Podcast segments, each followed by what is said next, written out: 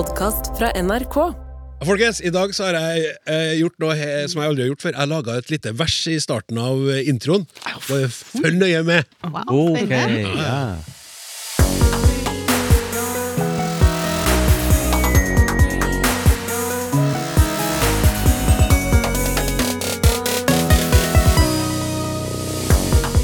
Hvem var det som bestemte at mor og far skulle kalles mamma og pappa?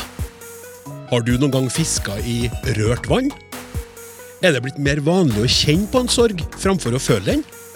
Og hva skiller en tallerken fra et fat fra en asjett?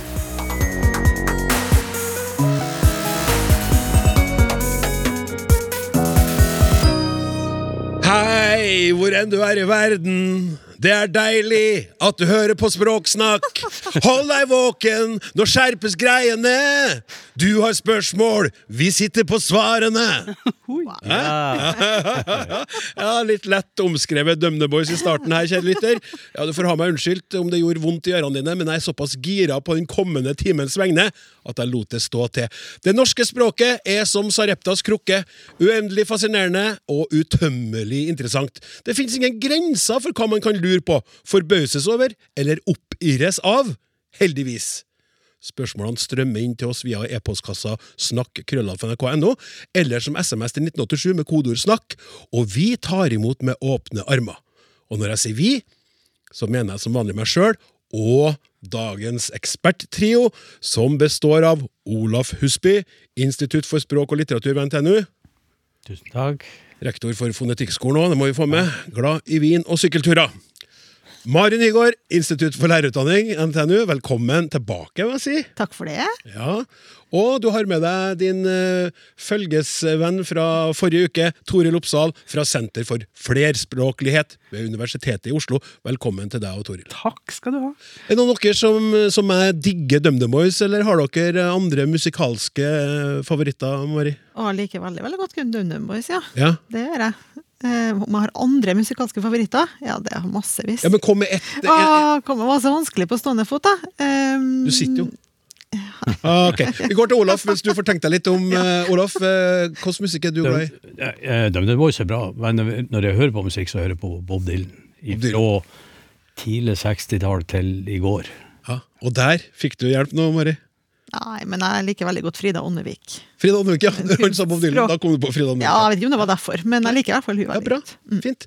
Toril? Jeg liker Pergolesis Stabat Mater. Jeg. Ja. Akkurat. Det gjør du. Ja, men det er Altså, jeg må bare understreke. Det, det er helt i orden. Det kan det være å gjøre, men jeg er ikke helt sikker. Nei, men nå, nå, må vi, nå må vi videre, videre i programmet.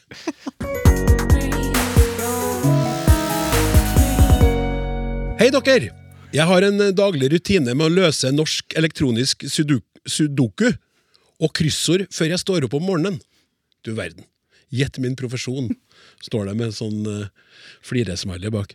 Her om dagen skvatt jeg skikkelig. Spørsmålet tale på norsk skulle altså besvares med ordet speech. Jeg stupte inn i Norsk ordbok, skråstrek Språkrådet, og der står det, jammen! Hæ? Hva skjer? Fortell meg, før jeg blir gal! Og så er ikke det underskrevet, da, men det er jo et menneske som holder på å bli gal her, Mari. Ja. Mari. Og jeg håper jo at vi har eh, Jeg vet ikke hvor lenge det her spørsmålet har ligget og venta, så jeg håper ikke han har blitt gal. Eller hun. Eller hun, da, det vet vi jo ikke noe. Eller de. Ja, eller de. Um, og så får jeg aldri lyst til å gjette på profesjonen først. Selv om jeg For meg var det ikke åpenbart, men jeg tenkte lærer. Ja. Ja, Men det kan jo være at dere tenker annerledes. Sudoku, elektronisk sudoku Ja, og kryssord før man står opp om morgenen. Da begynner du å slå på hodet med en gang, altså. Begynner skolen sent. gjerne? Eller så kan du være pensjonist, da, selvfølgelig. Kan jo være som har tida til sånt. Ja. Nok om det. Um, det her var litt spennende, syns jeg, det med speech. Fordi jeg måtte begynne å grave i det litt sjøl, og det er en, en liten inkurie.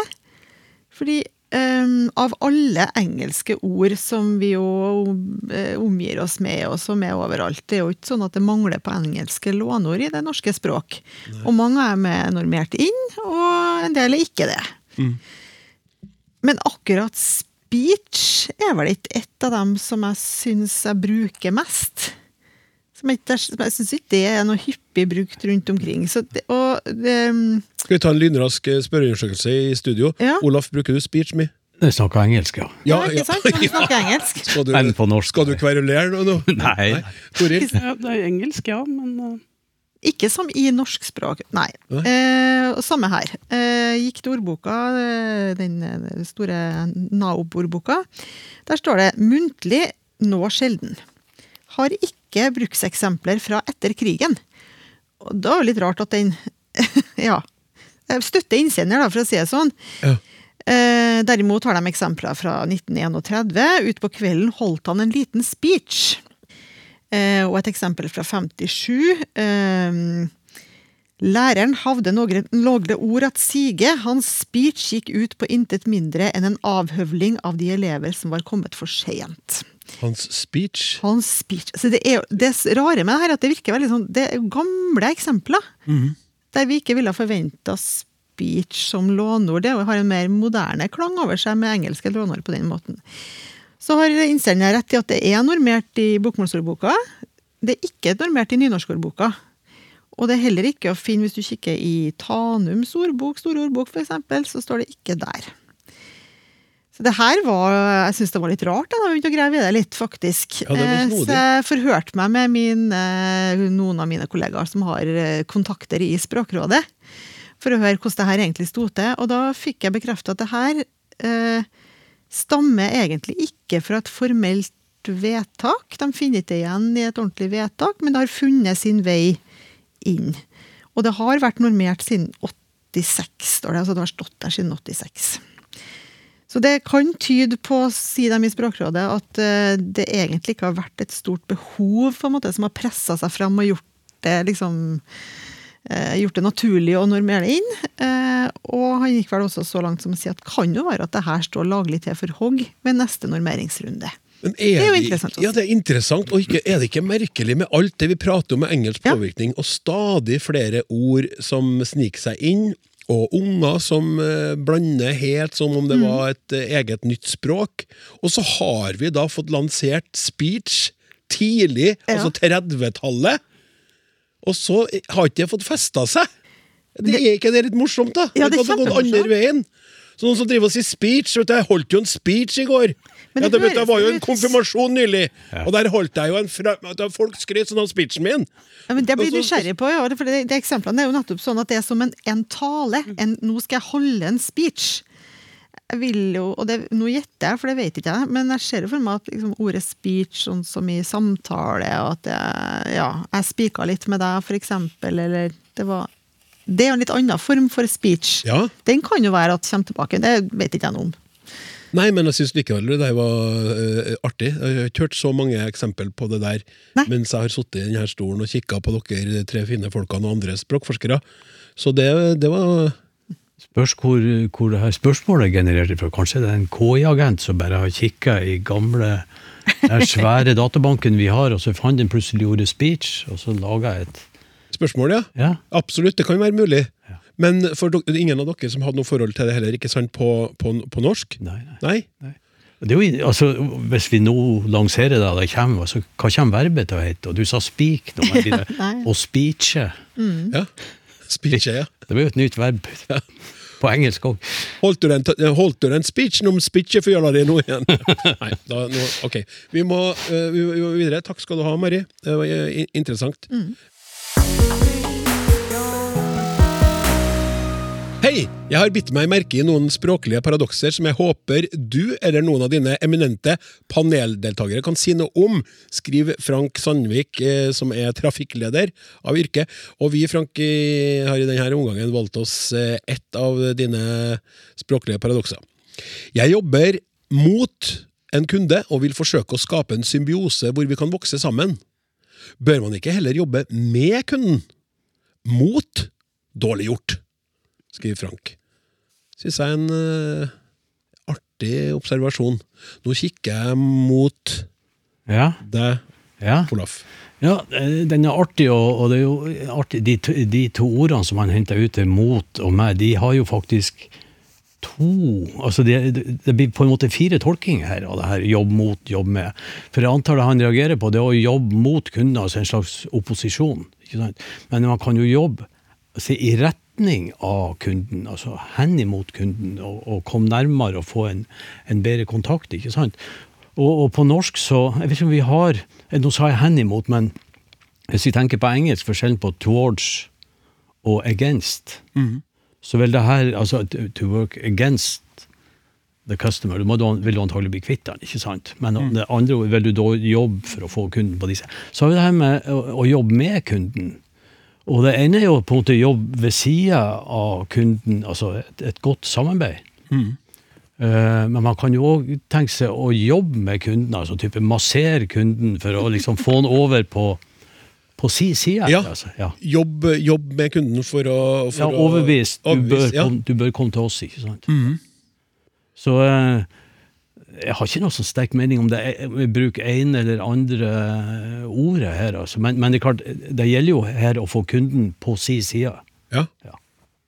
Hva tenker dere med mot og Nei, med? jeg, så, uff, mot som møteplass. Altså, I Sverige så kjører du jo stadig forbi navngitte mot. Ja. Eh, så Det handler jo også om den retningen og det å møte noen og samles eh, på samme sted og finne ut av noe.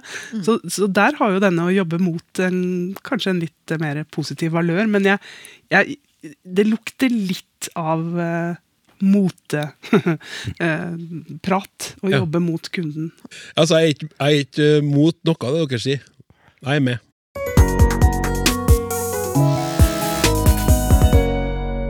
Hei, alle i Språksnakk. Jeg lurer på noe. Kan De si litt om forskjellen på tallerken, fat og asjett? Både i bokmål, nynorsk og i dialekter. På førehånd, tusen takk. Koser meg med å lytte til podkasten dykkar. Med vennlig helsing, helsing Anne Grete Holje fra, fra Børsa i Trøndelag. Jeg er rett borti hugget her, det, Toril. Ja. Ja.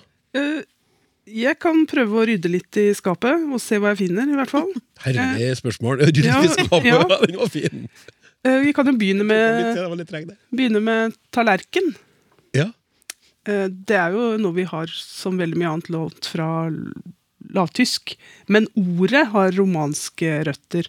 Og jeg mener du sa noe om spikkefjøl her i stad, da vi snakka ja. om speech. Og det, det er faktisk det det betyr. Eh, eh, altså, du kan tenke på italiensk eh, tagliere. Mm. altså, der har du en fjøl, en Ja. spikkefjøl, og, ja, eh, og tilsvarende andre romanske ord som handler nettopp om å skjære. Og en god, veldig gammel tallerken vil jo nettopp være en trebrikke. Eh, For her er det snakk om en rund skive av en eller annen sort, med litt opphøyde kanter, som du kan spise av. Eh, Og man bruker jo også tallerken om andre runde skiver her i livet. Nå veit jeg ikke om noen lenger har en god gammeldags platespiller til å spille Jo, eh, vinylplate. Ja, nettopp. Spiller Bob Dylan på platespilleren? Du Ja, ja, ja. spiller Bob Dylan, og da har du kanskje rett og slett platetallerken. Um, og um, vi kan jo også snakke om en sånn skiveforma frøspreder, som dere kanskje har sett. Mm. Det kan man også kalle en tallerken. Så her er det jo snakk om runde eh, gjenstander. Og flyvende Og flyvende tallerken, full Ja. av grønne menn og kvinner. Ja. Den, den er rund. Eh, og vi kan ha dype tallerkener i skapet, vi kan ha flate tallerkener i skapet, vi kan ha suppetallerkener i skapet. Men de ble faktisk vanlig først ut på 1600-tallet.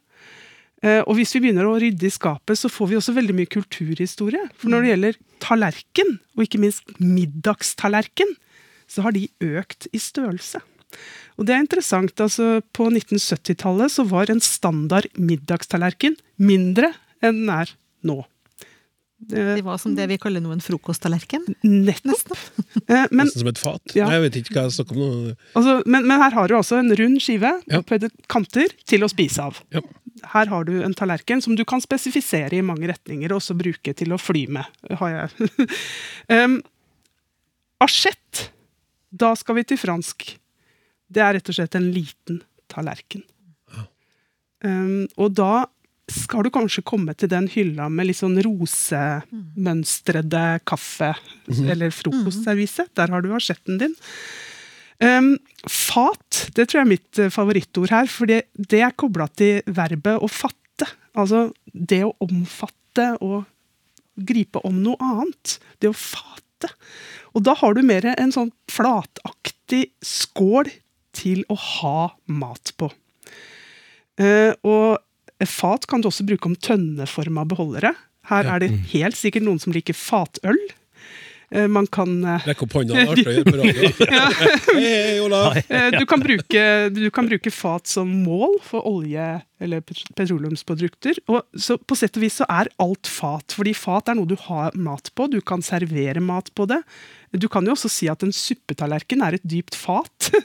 En asjett er et flatt, lite fat. Altså, du, du har enorme muligheter med fatet. Eh, Mens de andre eller ordene kanskje er litt mer spesialiserte. Eh, Og det gjør nok at fatet kan ha bredt om seg. Blant eh, yngre mennesker så hører man ikke så veldig ofte asjett lenger. Der hører jeg min bestemor fra Haugesund snakka veldig ofte om asjett. Og jeg må innrømme at jeg da som barn på 70- og begynnelsen av 80-tallet ikke var 100% sikker på hva det var for noe. Nei. Eh, Åssen er det med ungdommen Jo, i dag? jeg, Anne? jeg sier jo asjetten. Ja. Jeg husker det som et ord som var ganske mye brukt, ja. Asjett, både asjett og fat. Kanskje ikke tallerken så Mm. mye. Eh, For der er jo også, særlig når det gjelder tallerken, så er det enormt mange uttaleforskjeller i norsk. Eh, Der kan du jo se, eh, slå opp i Norsk ordbok og se på den lange lista. Jeg skal ikke prøve meg på å lese opp den, men, men jeg kan anbefale å gjøre det. Altså Der har du telek og talirsk og, talsk, og talsk, kanskje, til og med. Um, Det er stor variasjon. Uh, Og i nynorsk så kan du også velge mellom en tallerk og en tallerken. Så der har du også Tallerk. variasjon. Uh, Så men jeg kan jo sjekke med de herværende, da. Hva er det du har i skapet som begynner på T, Mari? Jeg har tallerkener. Ja. Har Ja, jeg har tefatet òg. Ja. Men du kan si jo tallerken. Jeg sier tallerken, ja. Ja, Men det er jo litt pussig når du har asjetten, så har du en kopp, og under den koppen, Der er det som det er skål. kaffe i ja, Nei, da har jeg under kaffekoppen så har jeg tefat. Ja, under kaffekoppen, ja. Ja. Ja, det er sant. Tefatet. ja. Jeg har aldri tenkt på, men sånn er det jo.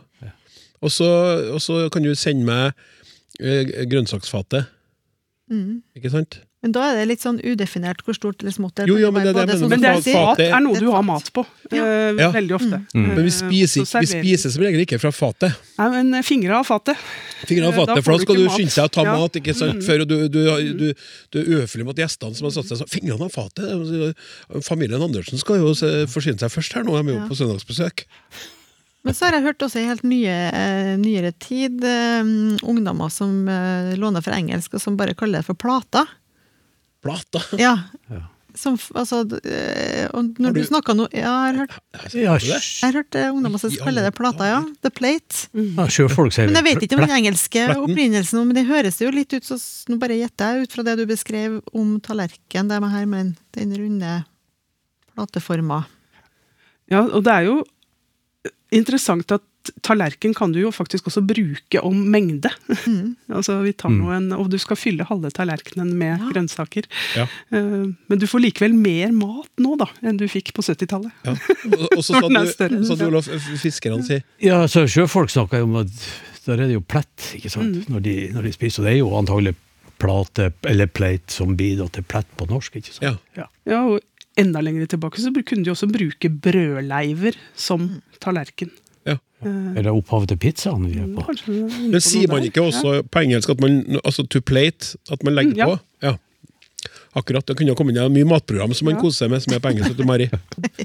Dekketøy, Ja. kalle det. ja. Mm. Men så bra.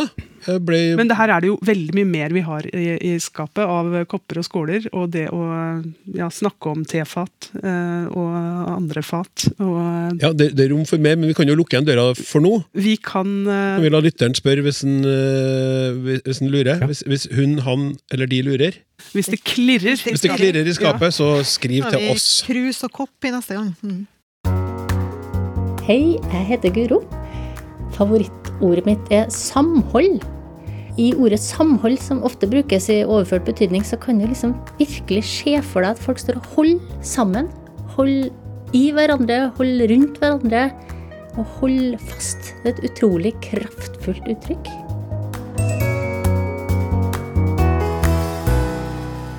Ja, La oss eh, slå et slag for samhold. Nå sitter jo ikke vi i Studio 13 på Tyholt i Trondheim og holder hverandre i hendene, men jeg føler på et samhold i studio. Eh, og hvis du som hører på har noe på hjertet, skriv til oss eh, via snakk.krøllalfa.nrk.no, eller som SMS til 1987 med kodeord 'snakk'. Snart så ror vi ut for å fiske i rørt vann, eller i alle fall snakke om det uttrykket. Men først nå så skal vi jakte på et begrep. Kjære Språksnakk, tusen takk for et lærerikt og morsomt program. Det er et ord som jeg lenge har grublet over, og som jeg håper dere kan diskutere. Misunne misunnelse. Misunne misunnelse. Vi sier jo gjerne at vi blir misunnelige når naboen drar på fin ferie, men betyr ikke ordet egentlig at vi ikke unner vedkommende dette? Finnes det et mer positivt begrep som betyr at man unner den andre noe, men også selv gjerne vil ha det samme? Med vennlig hilsen Alva Kjellén. Ja, det syns jeg er et veldig fint spørsmål. Ja, et veldig fint spørsmål. Eh, og ja, over til deg, Mari. Og dere, folkens. Ja. Misunne. Det, kommer, altså det er jo unne, så det tror jeg vi kjenner alle sammen. Hva det kan bety å unne noen noe. Jeg unner deg det her, jeg vil at du skal ha det. Det er veldig positivt lada. Og det, så det, altså, hun peker jo på den her opprinnelige, litt sånn negative betydninga til forstavelsen miss. Eh, som egen, det, altså det som ligger i miss, er jo en sånn motsigelse, egentlig. Vi har mistillit, som er noe annet enn tillit. Vi har mislike og misfornøyd og mistro. Sånn at eh, det å forstå misunne som det motsatte av unne, det ligger jo sånn opp i dagen, på en måte. Eh, når vi går inn og kikker på hvordan misunne er forklart, så er det nettopp eh, det at man ikke unner noen noe. Altså um, det at man egentlig blir litt sjalu, da, eller at man eh, Ja, det er noe litt sånn negativt knytta til det.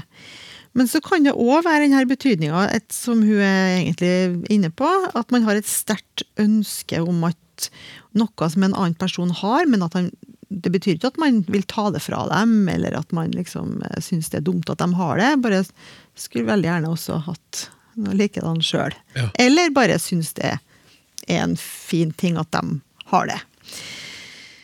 Eh, så hun har jo egentlig litt rett i at vi kanskje Kanskje er et lite semantisk hull her som man skulle ha prøvd å fylle på et eller annet måte. Er det rom i det norske språk for et ord til? Det kan man jo lure på. Og da må man jo også lure på hvorfor det ikke har skjedd at det har blitt fylt, det ordet, da.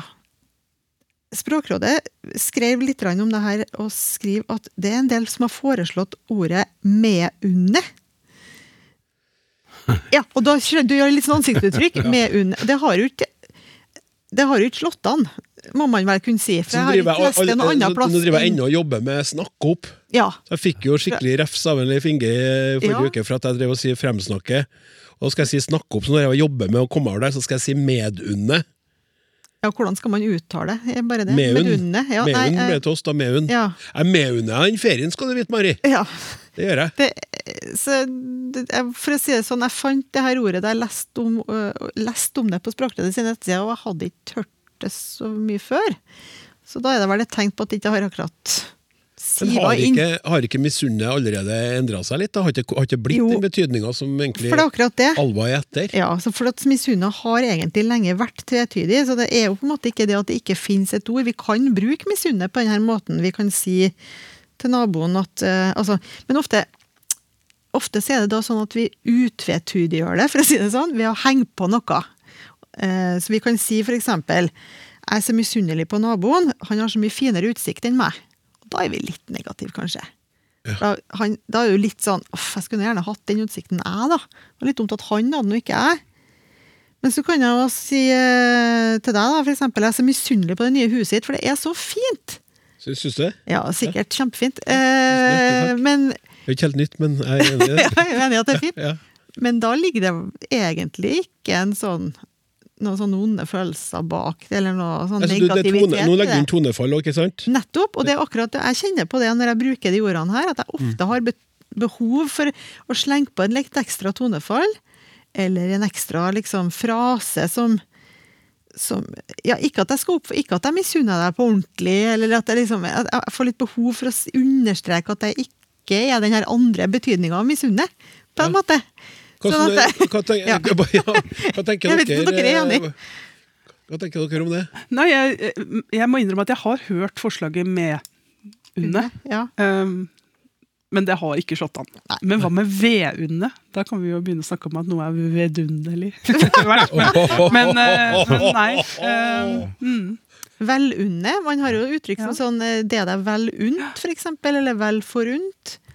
Vel rundt, ja. Ja. Ja. Det, bruker jeg litt, men Det ikke i den sammenhengen. Nei, men man kunne si at eh, mm. Men vi var jo nettopp innom et ord, det ordet mot, ikke sant, som kan ha to betydninger. Det er klart at språket eh, Noen ganger så feiler på en måte to begrep sammen, sånn lydlig og skriftlig, men med to betydninger. Ja. Og det vi, og, og så bruker du i tillegg intonasjon Ja. og andre trekk, og, og, og et, kanskje til meg eh, når vi møtes. Jeg ser på ansiktet ditt hvordan du, om du er positiv eller negativ. Sånn at i det store og hele så tror jeg det går bra, det her. altså. Altså For min del så har jeg jo opplevd eh, mange ganger i livet at jeg både har vært misunnelig på den ordentlige måten, og samtidig kunne ha uttrykt at jeg er misunnelig. Altså, jeg har ønska meg den utsikten, jeg har ønska meg det huset, jeg har ønska meg den vanvittige ferien den gjengen var på. Så at jeg har vært misunnelig. Og så har jeg samtidig uttrykt at hjelpes meg, altså, jeg er så misunnelig på en turen deres, den høres så bra ut, så er jeg ordentlig misunnelig, samtidig som jeg er begeistra for at jeg fikk gjennomført det. Ja. Så da er liksom, jeg har begge betydningene av Kanskje det er litt fint egentlig at det rommer begge deler det på den måten, for da kan jo du på en måte framstå som den her veldig positive, Ja. og så beholder du den litt sånn, litt, sånn eh, litt mørkere misunnelsesfølelsen på innsida, men den skjuler seg godt i dypet. Ja, tonefallet er viktig, vet du. Ja. Jeg, er mis, jeg er så misunnelig på den turen deres, og så inni bare Så Olaf, som har vært på sykkeltur nylig, Ja, nede i Ungarn, med en god venn, ja. og, og det er misunnelig på denne turen din. Kan anbefales. Det var en flott tur, Klaus. Ja, i forrige uke her i Språksnakk så var det en lytter som eh, hadde behov for eh, utgreiing eh, knytta til noen fiskerelaterte ord. Og skal vi sande meg ut på vannet igjen, vet du. Hei, Språksnakk, alltid hyggelig og interessant å høre dere. Jeg har fisket siden jeg var en neve stor, og er ennå aktiv i fiskemiljøet. Jeg har fisket mye i forskjellige vann, eh, både fersk og, ferskt og salt, men jeg tror ikke jeg har fisket i rørt vann. Det er dette uttrykket jeg har, har spørsmål til. Opphav og betydning. I min bevissthet har uttrykket en negativ valør, og slikt driver vi ikke med her på Hvaler. Håper dette kan være av interesse. Mange hilsener fra Tormod, som altså ikke driver og fisker i rørt vann sjøl, Toril. Ja, eh, jeg tror jeg kanskje har fisket i rørt vann i én av betydningene. Eh, fordi dette her kan både være nøytralt, og det kan være litt negativt. Eh, og her har nok en gang eh, Språkrådet gjort en jobb for oss tidligere. Det, og har lagt ut eh, en beskrivelse, og de kobler den konkrete betydninga av å fiske i rørt vann helt tilbake til Aristofanes, altså den greske dikteren, som skriver at når man rører opp vannet fra bunnen, så er det lett å fange ål. Eh, og jeg fant samme fra moderne tid, faktisk, i en fiskeside på nettet, der det er en som skriver at ørret som står i rørt vann, er ofte lettere å lure enn de som vaker der det er speilblankt. Så det er rett og slett når du begynner å grumse opp vannet, så er det enklere å lure fisken på kroken. Ja, Så det er jo den konkrete betydningen, altså å røre opp vannet for å fange fisk. Men så har vi en overført betydning, og det tror jeg er det den lytteren på Hvaler er opptatt av. Eh, og det er den betydningen som vi kan eh, hente fra et Jeg tror det er Kirkegård-sitat. Eh, her er det et sjekketriks som jeg skal lese for dere. Man fisker alltid best i rørt vann. Når en ung pike er i sinnsbevegelse, kan man med hell våve meget som ellers vil mislykkes. Altså, det å altså fiske rørt vann, det betyr at man utnytter en forvirra situasjon til sin egen fordel. Så når du fisker i rørt vann, så Det at det er litt forvirring, det, det, det gjør at du kan få fremma dine egne planer. Ja. Mm. og den ordboka Naob har et sitat fra en bok om fagorganisasjonen i Norge, eh, som er ganske betegnende i så måte. Eh, der står det det var en tydelig tendens hos arbeidsgiverne og forretningsdrivende til å fiske i rørt vann. Ja. Så dette er et uttrykk som vi nok ikke har direkte fra Aristofanes, vi har nok fått det via dansk, men som nettopp handler om å utnytte det grumsete til egen fordel. Svensk har de det også, at fiska er grumligt vatten. Grumlitt vann. Men jeg syns det er interessant med den første betydningen, det med det ålene, som vi også har eh, et spesielt forhold til. Eh, sånn, det bildet på en sleip ål. Og hvis man da ser for seg for en, en, en sånn kaotisk politisk situasjon, eller noe, der noen bare ser sitt snitt til å forhandle, og nå, nå bare skjer det, så En typisk ål. Mm. En typisk ål. Metaforisk ål. Ja. Ja, så spennende. Det var, det var interessant. Det her er det, så artig med språksnakk, Ja. syns jeg. Det her passer jo godt på den politiske situasjonen vi er inne i nå, ikke sant? Ja. Her er det mange som fisker i rørt vann, og så er det noen andre som sitter helt stille i båten.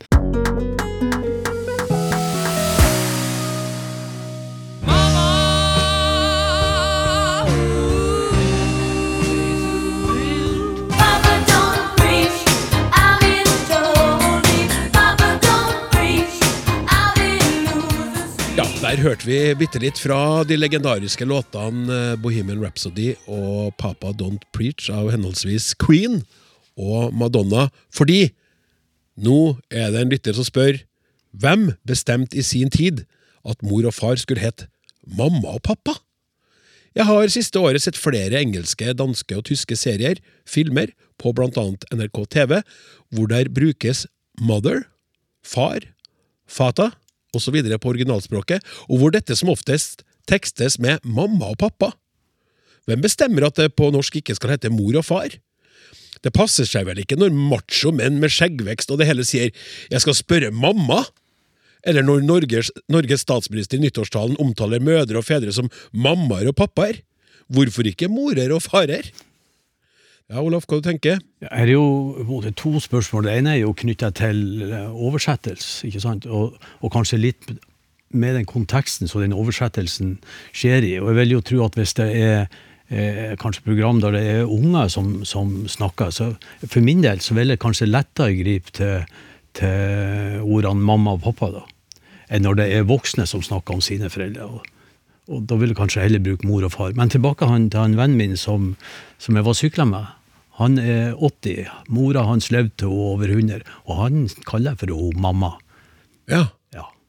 Sånn at eh, det- det- For meg er det litt vanskelig. Jeg kan eh, Jeg tror jeg sier mor mi eller mora mi og faren min. Jeg vil ikke si mamma og pappa lenger om, om mine eh, foreldre. Altså. Jeg stopper kanskje eh, i puberteten eller på slutten av den gang. Altså. ja. Men så er det jo de her ordene her. altså Hvem er det som har eh, bestemt hvorfor det skal hete mamma og pappa? Det er jo et, et annet spørsmål òg? Hvor kommer de her ordene ifra? Og det, de ordene kommer jo antagelig fra en bitte, bitte liten baby. Som eh, foreldrene hørte at babyen sa de ordene her. Og så tok det som en slags tiltale, en merkelapp på seg, og så begynte de å bruke det. da. Så vi sier jo eh, sant, 'kom til mamma', 'kom til han pappa'. ikke sant? Og, og eh, jeg husker ikke om vi tok det opp på fonetikkskolen. vi vi snakka om det i fonetikkskolen, vet du. Ja, ja, at du, at du, hvis du tenker at du får det her eh, eh, brøstet i munnen når du lager en sånn a-lyd, så får du sånn mamma, Ja. eller ba-ba. Nå bruker jeg håndbaken, ikke sant, Ja. for å illudere det. Sånn at ordene her er jo antagelig kjempegamle, og vi, vi ser det jo, de går igjen i massevis av språk. Så, enten bare med én stavelse, eller, eller to stavelser. Eller at stavelsen blir gjentatt. da. Eh, Det er en ting som slår meg nå, eh, mens du snakker om det her, og det er også det at eh, eh, den her innsenderen skriver jo eh, at det tekstes, tekstes med mamma og pappa, sånn at kanskje oversetter tekster skulle ha vært litt mer lyder for hva den personen, skuespilleren, i serien, filmen på TV, faktisk sier. For de kan jo også si dad og papa og mam og ma øh, jeg vet ikke, søren masse forskjellige varianter, sånn at man kanskje skulle ha nyansert på den måten. Jeg vet ikke hva dere to andre her tenker om det. Ja, nei, jeg tror det er helt riktig som Olaf sier, at dette handler noe om stilnivå og nærhet og alder og situasjon. Og jeg kan jo eh, for meg sjøl si at jeg snakka alltid om mamma. Eh, men jeg ville omtale henne som moren min. Eh, Og der er det også en, en nyanseforskjell, nettopp fordi du da skaper avstand. Eh, så, så, så mamma og pappa eh, er på sett og vis det som ligger nærmest. Nærmest. Mm. Men når jeg snakker om rollen eller relasjonen, så er det moren og faren. Ja. Eller mora. Men jeg lurer, ja. Men du, ja, jeg lurer på om det òg har Jeg har det sånn som deg, Toril, at jeg ville ha sagt mamma til, men uh, mora mi om, tror jeg. Men jeg har en følelse at det kanskje også har skjedd en liten generasjonsskyvning her, og at det her er i bevegelse. sånn at det, blitt den, det uttrykket mamma og pappaen min har blitt altså nærma seg eh, mor-far, da, for å si det på en litt krøkkete måte. At det ikke oppfattes så nært lenger.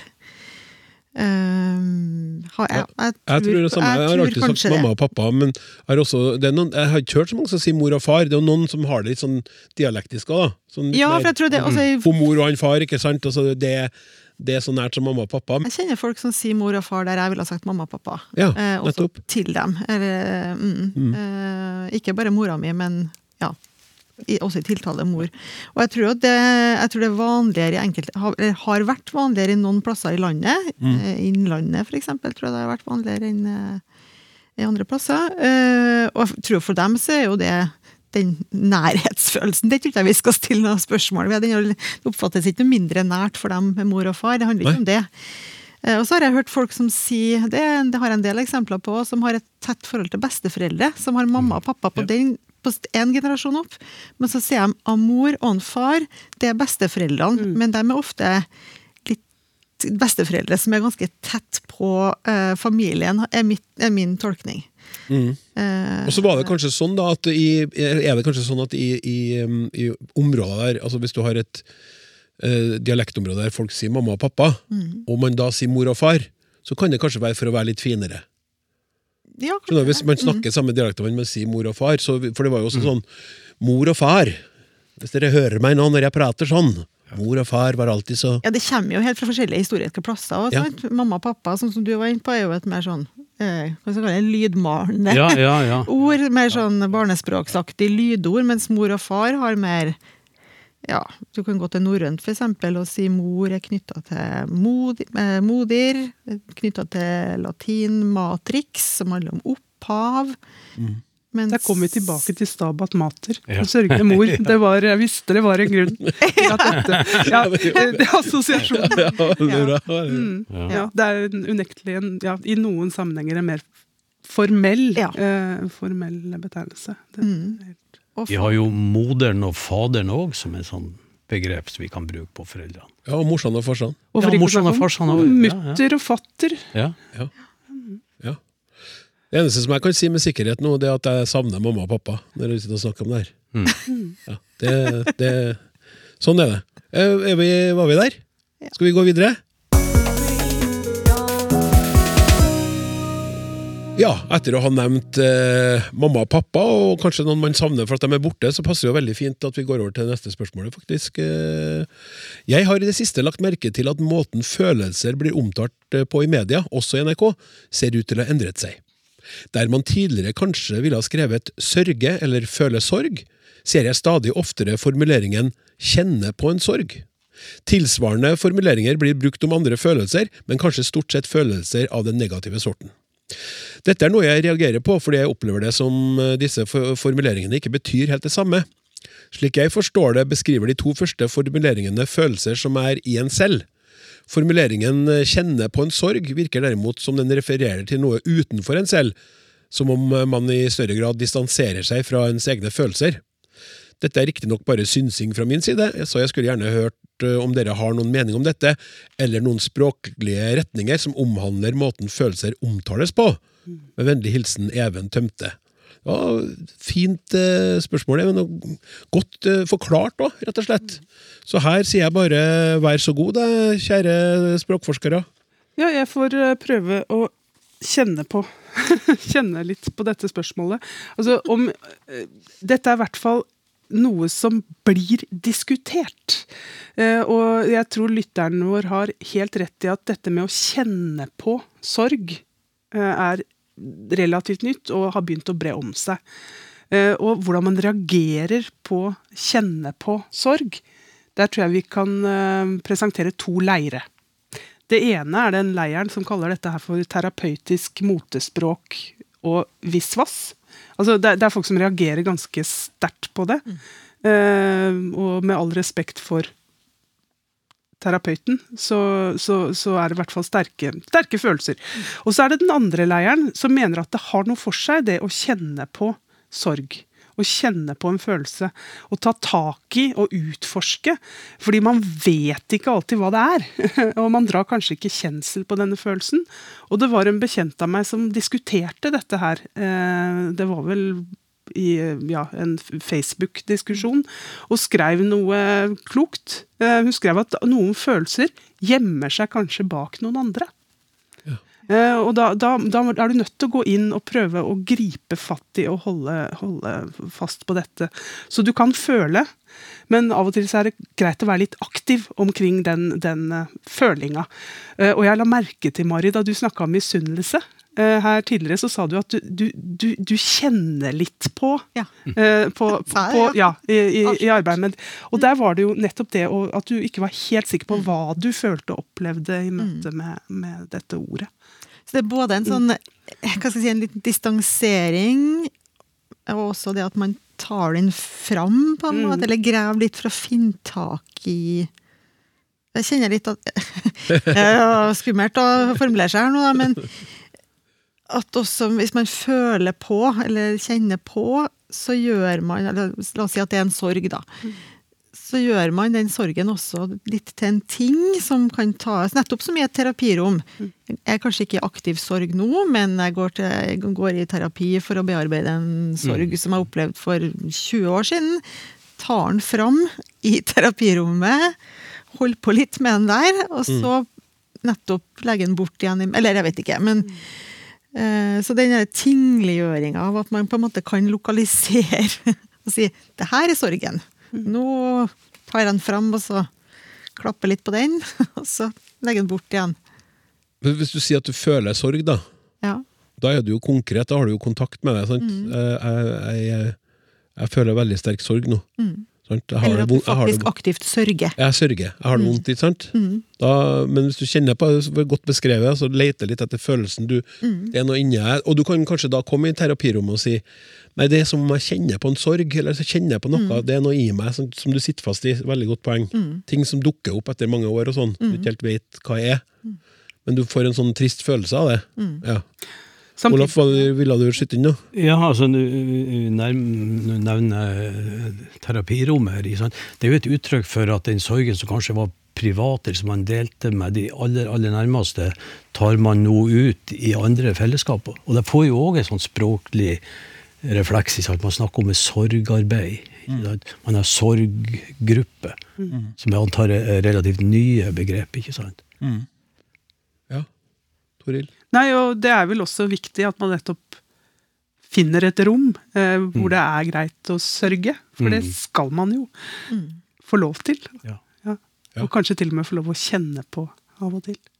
Men også, jeg vet ikke om det blir å dra det for langt, men i enkelte kulturer og i eldre tid så hadde man vel også en sånn mer avgrensa periode som var liksom Det her er sørgeperioden, eller sørgefasen, og så var den på en måte avslutta eh, på et tidspunkt. Men den der betydninga av føle på en sorg, det kan jo likevel få lov å eh, ta fram igjen lenge etterpå, da. Nå ble vi litt sånn uh, alvorstemt her, da, men det, det syns jeg også er fint. da. Jeg kjenner på en glede over at vi kan, kan klare å være sånn i språksnakka. Vi hopper nå overalt her. Er det noen som har lyst til å tilføre noe før vi går videre? Nei? Nei, for da, da lukker vi det spørsmålet. Nå skal vi over til lukke avvik. Oi, oi, oi. Ja.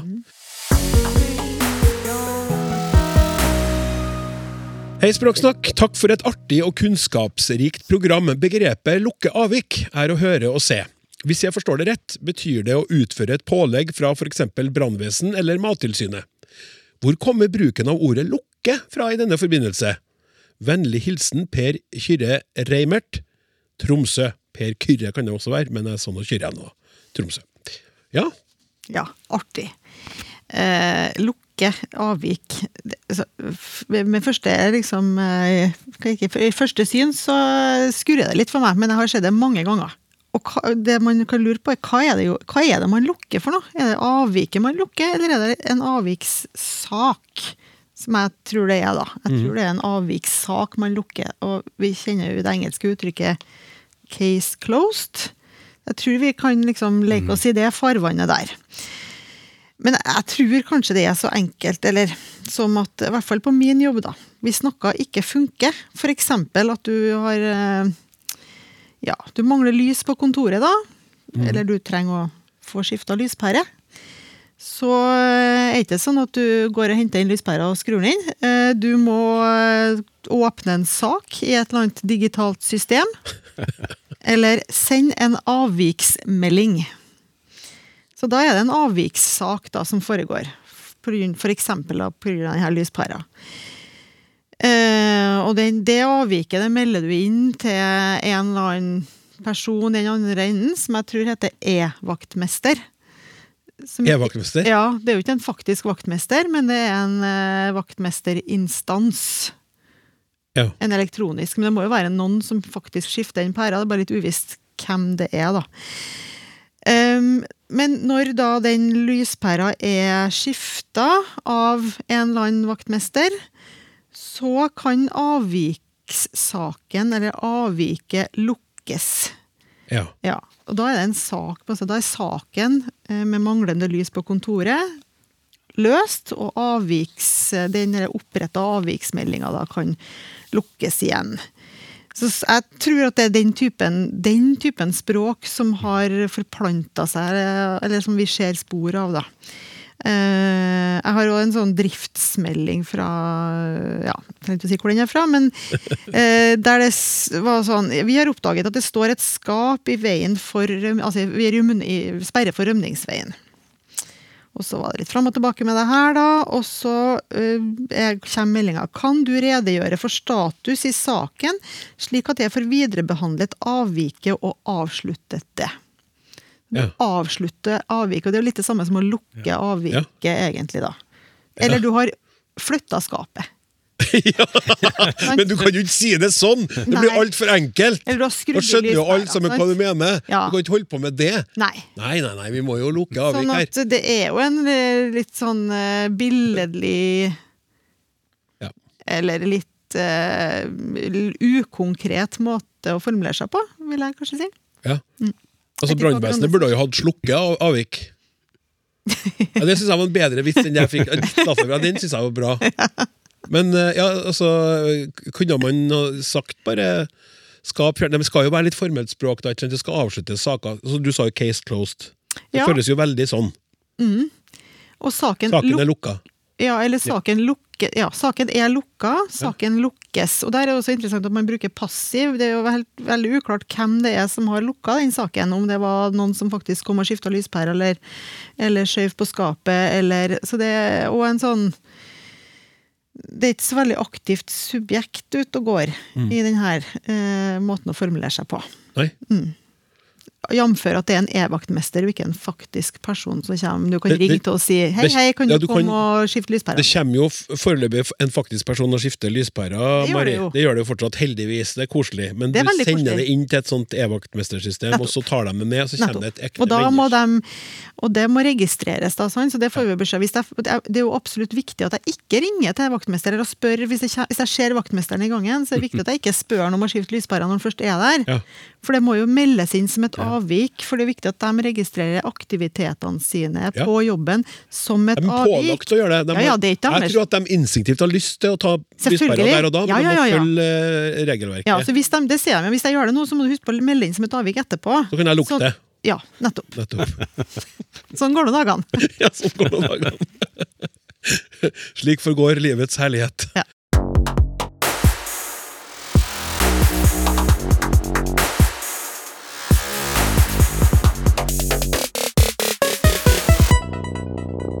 I de fleste språk har man fortsatt høflig tiltale. Vo, fransk, si, innen, innen, innen, tysk, sø, engelsk. Er Norge alene om å droppe høflig tiltale muntlig og skriftlig, eller er det et skandinavisk fenomen? Er dette en svakhet eller en styrke for språket? Åhå, for et spørsmål! Eh, Anonym eh, har sendt inn det her, og jeg kikker bort på deg, Olaf, og sier Kunne de være så vennlig å forsøke at besvare dette spørsmål? Takk, eh, herr Sonstad. Jeg skal forsøke. Dette er jo et, eh, et eh, område innenfor eh, språket som er, er grundig undersøkt, og som er stort. Altså Her utgis det bøker og gjøres avhandlinger. For, for det første er det bare å beskrive det her, men òg den utviklinga som skjer. Og det, det vi snakker om, er jo et, et, et språklig skille, da, altså mellom to ord, du og de, som brukes for å signalisere kanskje et, sosialt skille. Eller et aldersmessig skille. Kanskje òg kjønnsmessig skille. Status. Det er mange, mange dimensjoner i det her. Og innenfor terminologien så kalles det her for T kontra V. Og hvis vi tenker på franskene som vi har gjort her, så er jo T-en, altså ty, du og vo, de. Så det, i, i, i, i, faglitteraturen så, så skrives det altså om det her TV-saken. Ja. Og eh, så her får man jo, ved å velge et ord, f.eks. uttrykt en slags fortrolighet, nærhet Det er klart du er mye nærmere enn det her de som du la opp til nå. ikke sant? At vi på en måte holder avstand. Ja. Og det her kan man jo da bruke på, på uh, ulike måter. ikke sant? Du kan, eh, du kan eh, eh, ja, markere en avstand hvis du ønsker det, eller du kan fjerne den avstanden hvis du ønsker det. Eller du kan til og med være frekk og velge altså ved en samtalepartner som i altså, objektivt har høyere rang enn det, så kan du velge et ord som degraderer vedkommende, ikke sant? sånn at det blir en provokasjon eller en, eller en, en, en fornærmelse. Og det er mange, det er mange språk som, som har det her. Det som er interessant eh, på norsk, er jo at på bokmål så er det, når vi da skal ty til den høflige formen, så tyr vi til tredje person flertall, de. Mens på nynorsk så ty- tyr vi til andre person flertall, dykk. Og jeg har jo ingen av de to i min dialekt, så jeg må jo bruke ordet eh, dokker. Men jeg, jeg kan ikke huske at jeg på en måte har brukt det sånn aktivt. Altså jeg bruker dokker i, i, i høflig eh, tiltale til noen. Men eh, hvis, hvis jeg hadde behov for det ordet, kanskje hvis jeg traff kongen eller noen, hva dere synes om det her. Og da kommer vi jo inn på, på en annen måte, eller litt, litt annet felt hvor vi har den høflige tiltalen. ikke sant? At, at eh, hvis jeg tiltaler kongen, så, så går det verken med du eller de. Hva synes kongen om dette? Ikke sant? Altså et, et vokabular som hører til innenfor det, det, det rojale. da.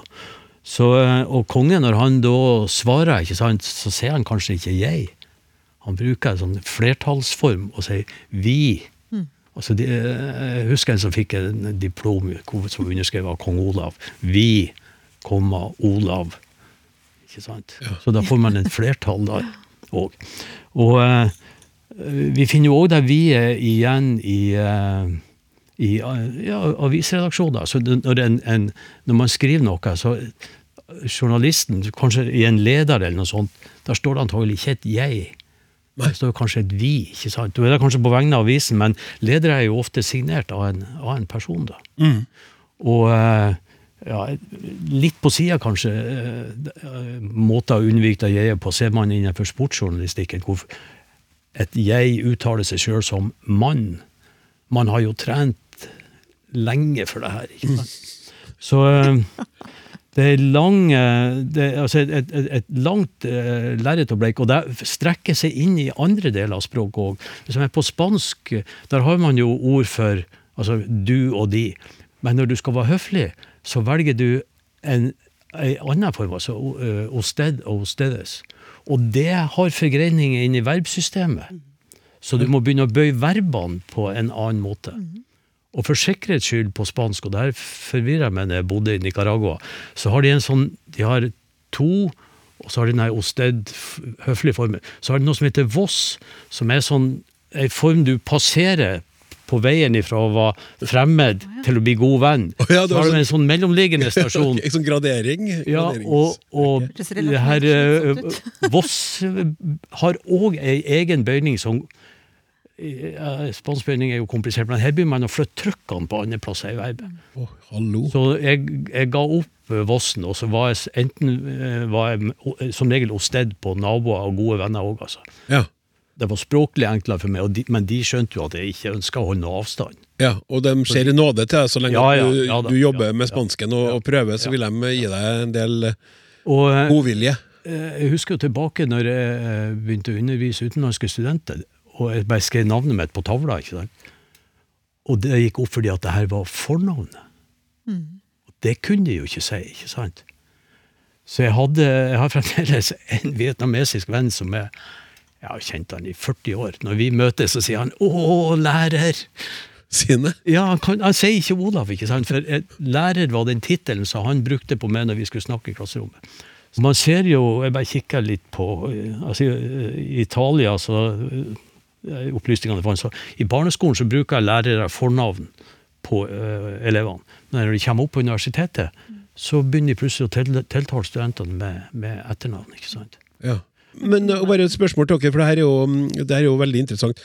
Altså, spørsmålet fra lytteren er jo er det her en svakhet eller en styrke for språket. Vi må jo bare kjapt innom det òg, før vi Hva tenker dere? I forhold til Nei, altså om, om at det at vi ikke har noe, altså vi Ja. har droppa høflig At vi ikke er så Vi er litt mer rett på da, til vanlig, vi er jo det. Ja. Stort sett så er vi jo på du, Ja, de ja. fleste av oss. Men det er jo, jeg vil jo tro den, altså Vi har jo et samfunn som på en måte preiker det egalitære. Ja, skal og da må jo det her være en fordel.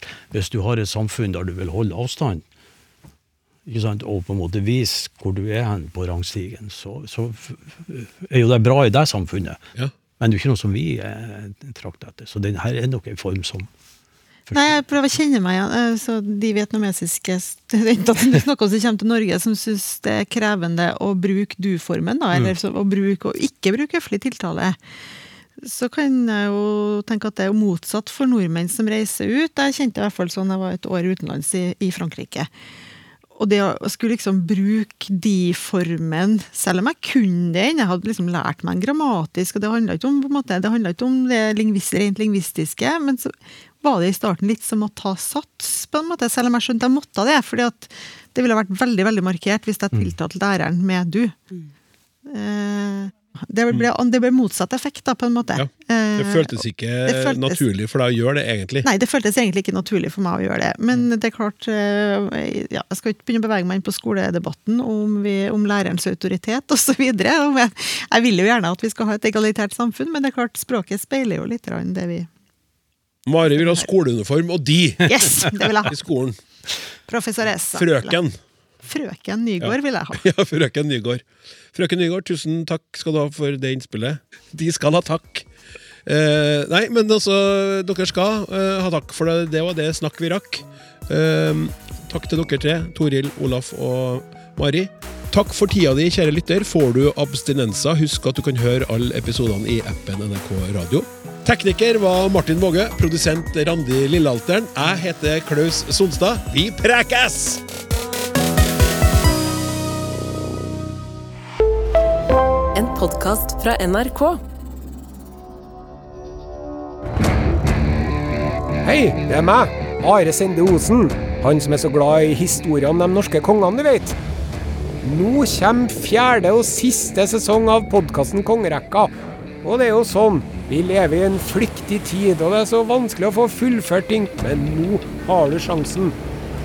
Nå kan du høre deg gjennom alle de norske kongene. Ifra Harald Hårfagre samla Norge til et rike pga. ei dame, og fram til den kongen vi har i dag. Da kan du klappe deg sjøl på brystet, eller på skuldra, eller du kan klappe kompisen din på skuldra, og så kan du si 'Jeg har fullført noe'. Jeg har hørt meg gjennom hele kongerekka'. Hør podkasten Kongerekka i appen NRK Radio.